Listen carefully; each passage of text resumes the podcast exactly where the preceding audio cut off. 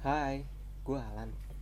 Gue bukan siapa-siapa dan gak akan mau menjadi siapa-siapa selain diri gue sendiri. Selamat datang di podcast gue. Semoga lo semua suka dengernya. Relax ya. Selamat mendengar.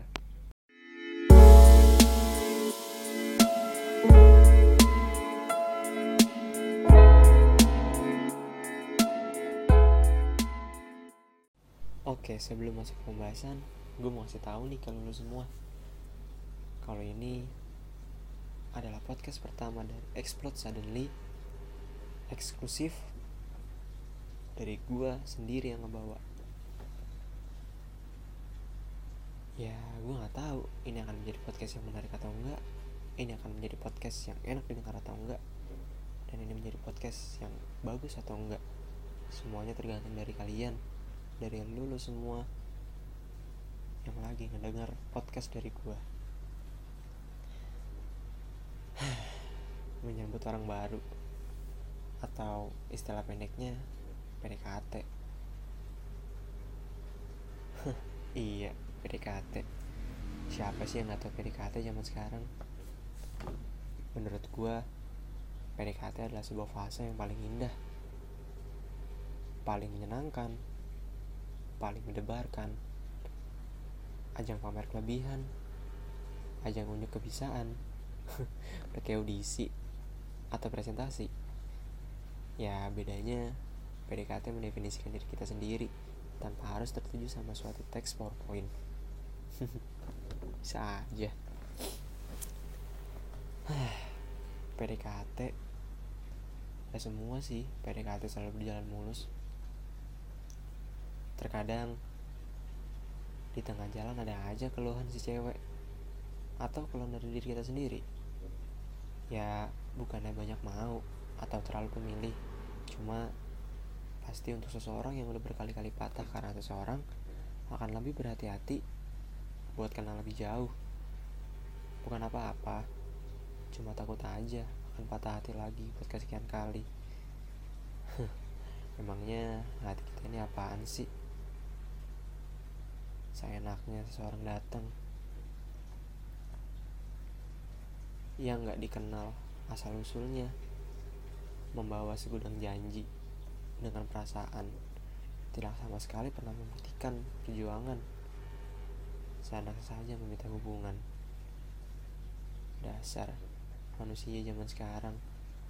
Hobinya datang lalu pergi dan menghilang.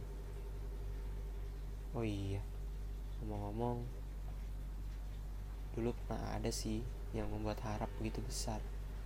Membuat yakin menjadi pasti?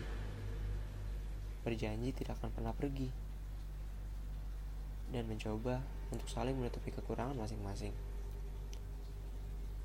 Tapi nyatanya sampai ada di titik memiliki satu sama lain pun saja tidak. Entahlah Beragam sekali sifat dan sikap manusia zaman sekarang. Makin sulit dimengerti. Makin sulit dicerna oleh logika. Lagian, kenapa sih mesti ada fase PDKT?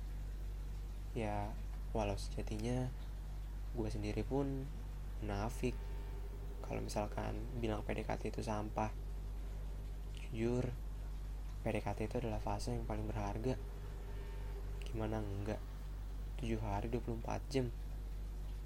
HP nggak pernah dilepas. Sekedar tahu kabar dia sehari-harinya.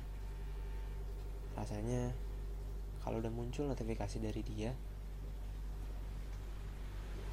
dari ujung kepala sampai ujung kaki ketawa-ketawa sendiri. Kalau misalkan dia punya mulut cing lebay gak sih?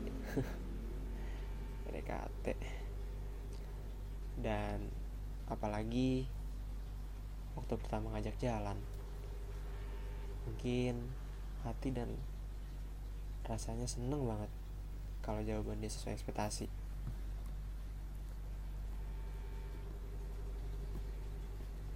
Namun yang buat yang buat gue cemas sekarang adalah di samping itu semua PDKT buat gue sekarang ini adalah cuma hal yang membuat diriku makin insecure. Makin ngerasa gak pantas buat siapa pun. Ya walau kadang iri juga sih. Pengen punya hubungan kayak orang-orang.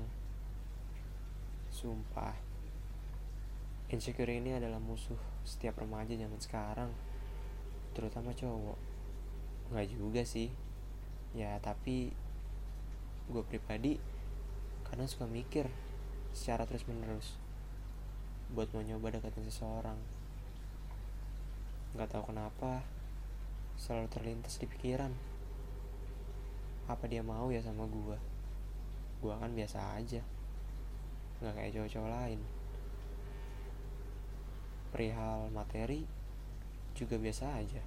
Nggak tajir kayak cowok-cowok lain zaman sekarang outfit gue juga nggak se hype bis anak-anak zaman sekarang. Apalagi kendaraan gue anjing. Ujung-ujungnya malah nggak jadi buat PDKT-in ngerti lagi sama sistem percintaan zaman sekarang. Rumit. Berat. Resah ya tapi pada intinya sih PDKT menurut gue itu adalah fase yang paling menggembirakan ya 11-12 lah sama berhasil dapetin giveaway dari selebgram selebgram.